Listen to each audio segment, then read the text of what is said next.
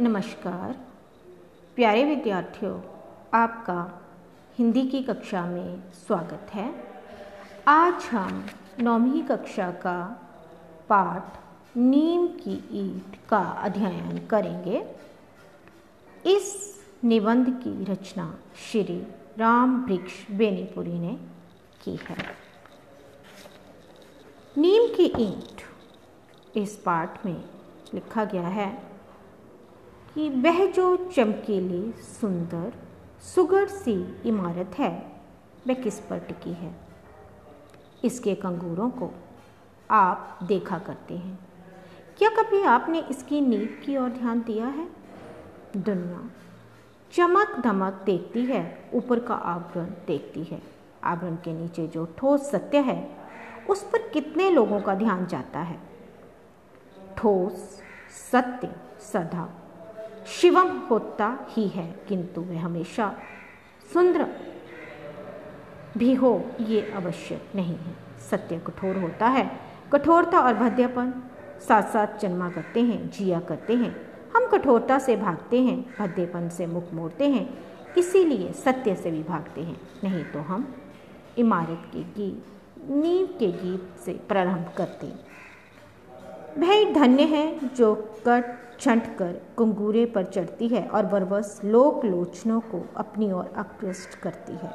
किंतु धन्य है वह ईंट जो ज़मीन के साथ हाथ नीचे जाकर गड़ गई और इमारत की पहली ईंट बनी। क्यों इस पहली ईंट पर इसकी मजबूती और पुख्तेपन पर सारी इमारत की अस्ती नास्ती निर्भर करती है? उस ईंट को हिला दीजिए कंगूरा बेतहाशा ज़मीन पर आ गिरेगा। कंगूरे के गीत गाने वाले हम, आइए अब नीम के गीत गाएँ। वह जो ज़मीन में इसलिए गड़ गई कि दुनिया को इमारत मिले कंगूरा मिले। वह ईंट, जो सब ईंटों से ज़्यादा पक्की थी, जो ऊपर लगी होती तो कंगूरे की शोभा सौगनी कर देती। किंतु जिस ईंट ने देखा, इमारत की पायदारी उसकी नींव पर मुनस्री होती है। इसीलिए उसने अपने को नींव में अर्पित किया।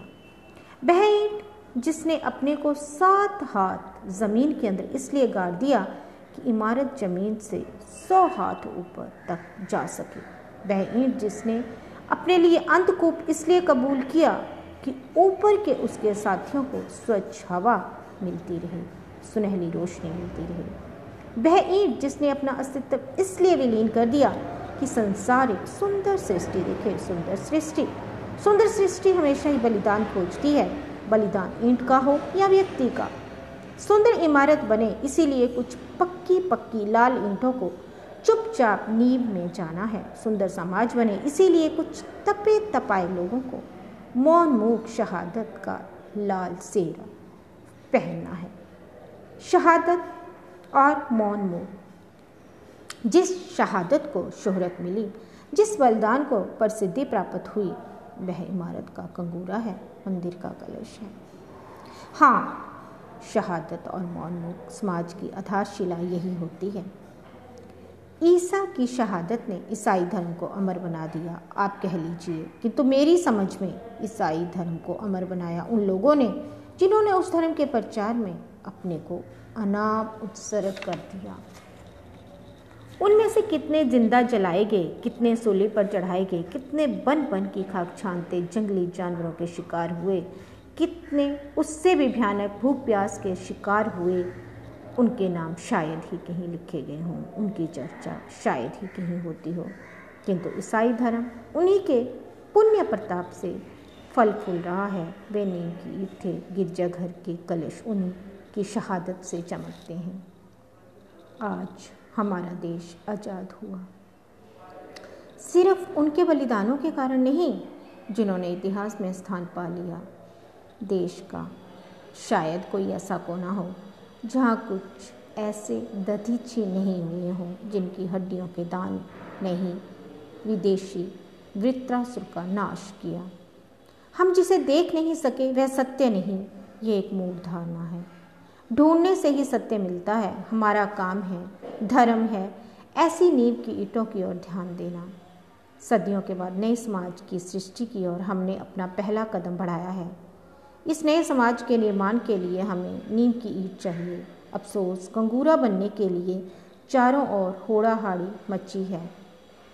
नीम की ईट बनने की कामना लुप्त हो रही है। सात लाख गाँवों का नवनिर्माण हज़ारों शहरों और कारखानों का नवनिर्माण, कोई शासक इसे संभव नहीं कर सकता। ज़रूरत है ऐसे नौजवानों की, जो इस काम में अपने को चुपचाप खपा दें।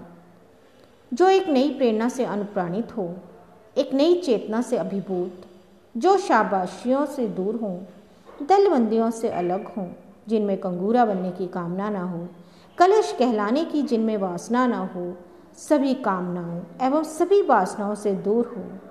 उदय के लिए आतुर हमारा समाज चिल्ला रहा है। हमारी नींव की ईट किधर है।